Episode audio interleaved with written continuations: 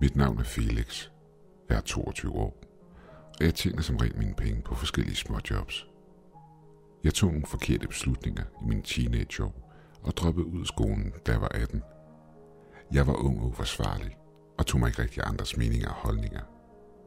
Jeg var så heldig at blive født i en familie med penge, så jeg fandt aldrig tid til at finde mig noget rigtigt arbejde. Men jeg kom til fornuft efter min far døde i en ulykke. Jeg var 18 år på det tidspunkt, og ansvaret for at brødføde mig selv, min mor og min syvårige søster var nu op til mig.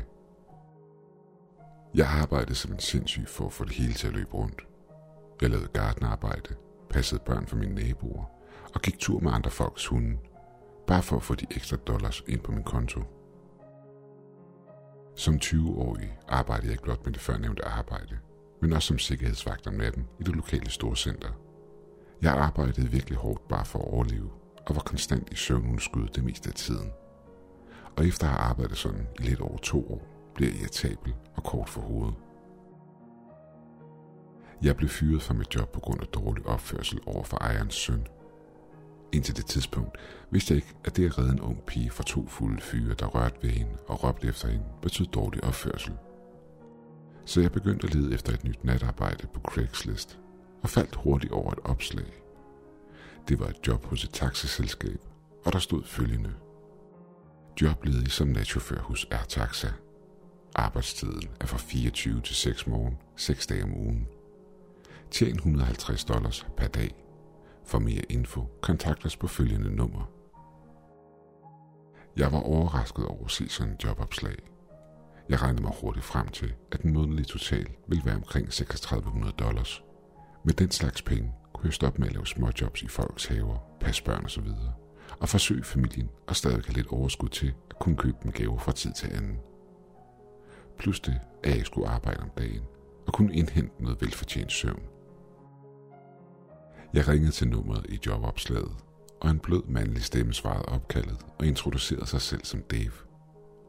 Jeg spurgte lidt ind til jobbet, og efter en kort samtale over telefonen blev jeg hyret. Det eneste, der undrede mig, var nogle spørgsmål, han stillede mig.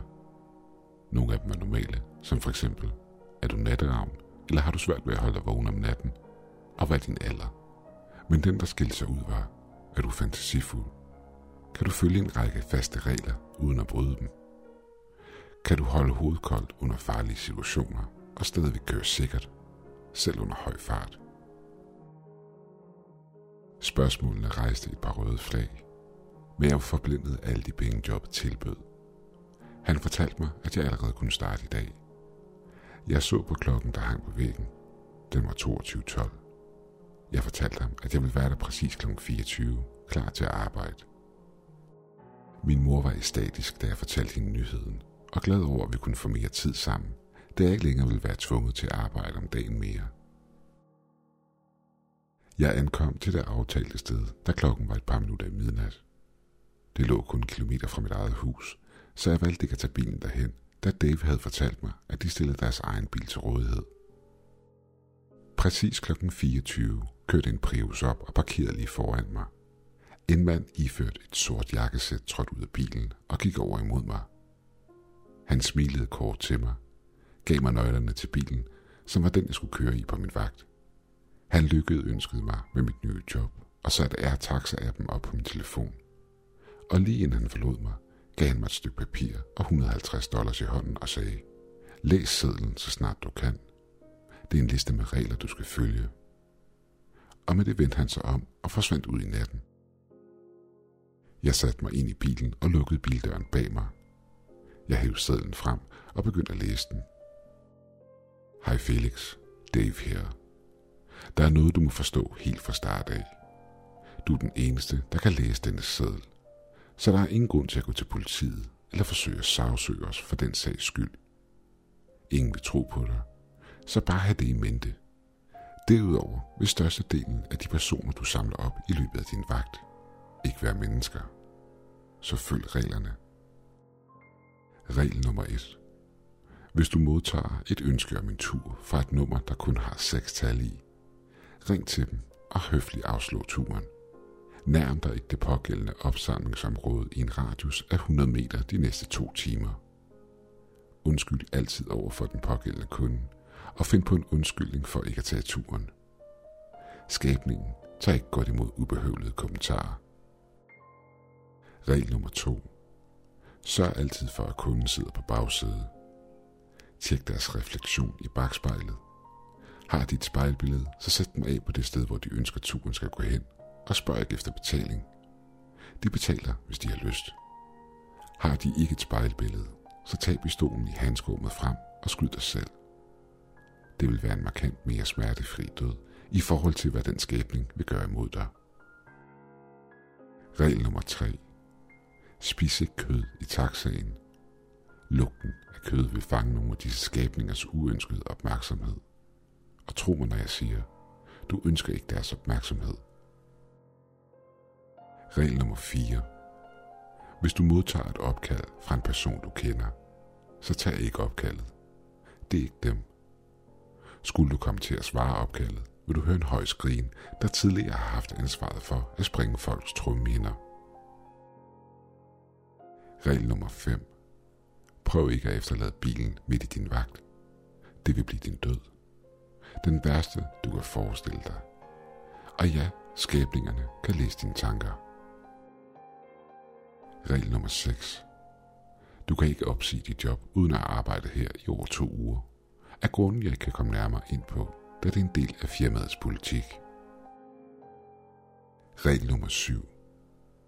Hvis du ser en mørk skygge løbe ved siden af bilen, så sæt farten op og prøv at ignorere den.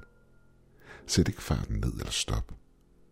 Hvis du holder en fart på 80 km, vil den ikke være i stand til at fange dig. En anden mulighed er at holde dig til trafikerede veje. Den vil prøve at snyde dig og overbevise dig om, at den haler ind på dig. Men alt du skal gøre, er at holde farten og blive ved med det i omkring 5 minutters tid. Regel nummer 8. Hvis du kan lugte råden kød fra bagsædet, så vend dig ikke op.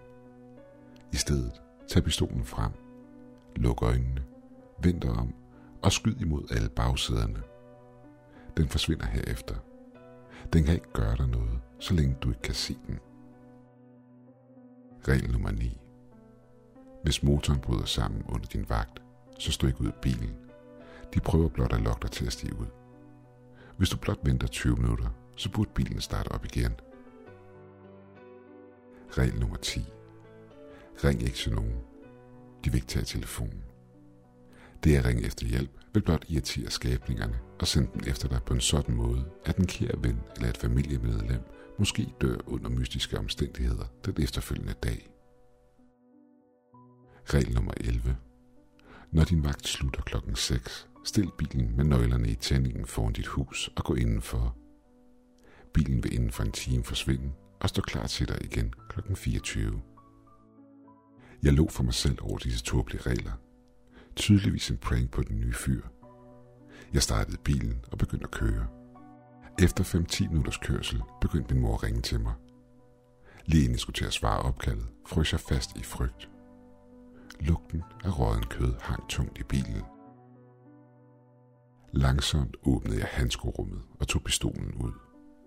Lukkede mine øjne, vendte mig rundt og skød seks gange.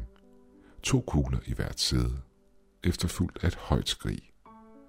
Jeg åbnede øjnene og så, at sæderne var tomme, men et af vinduerne var åbne, og der var en smule blod på et af sæderne, som jeg tørrede af mit håndklæde, der lå i handskerummet.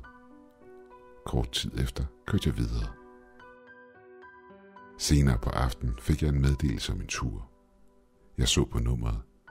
Det var heldigvis et normalt nummer, så jeg kørte mod destinationen. Passageren var en ung kvinde. Hun satte sig ind på bagsædet, og jeg begyndte at køre.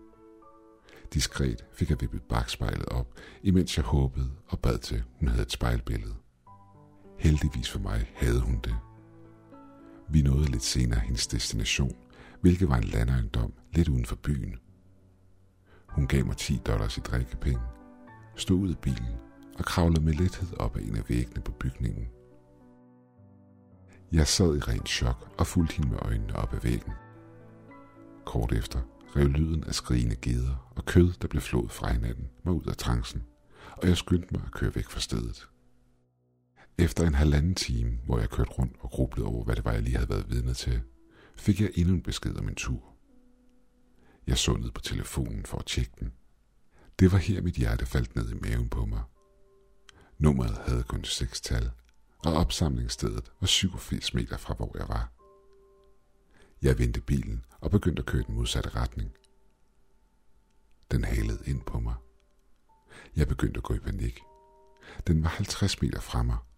Jeg kunne mærke jorden under bilen ryste, og et sted bag mig kunne jeg høre en svag knoren. Jeg trykkede speederen i bund og lå nu på omkring 100 km i timen. Afstanden imellem os voksede. 92 meter. Det var her, jeg opdagede en mørk skygge, der løb ved siden af bilen. Jeg mistede næsten herredømmet over bilen, da jeg så den, men prøvede at holde hovedet koldt og ignorere den. Skyggen, der for kort tid siden havde lignet et menneske, havde nu transformeret sig om til noget dæmonisk. Væggene på indersiden af bilen begyndte at bløde, men på en eller anden måde lykkedes det mig at holde farten, uden at få lykke. Og efter en kort, men intens jagt, var alt pludselig tilbage til normalen. Jeg begyndte at tro på, at jeg var ved at blive sindssyg. Jeg ønskede for alt i verden at ringe til min mor, men med alt det, der var foregået indtil nu, så ønskede jeg ikke at bryde en af reglerne. Det var her, jeg kom i tanke om, at jeg skulle ringe til kunden, der havde ønsket en tur og undskylde. Så det gjorde jeg.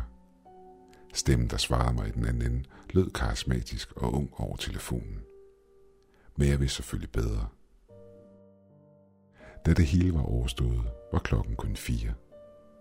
De næste to timer foregik forholdsvis normalt.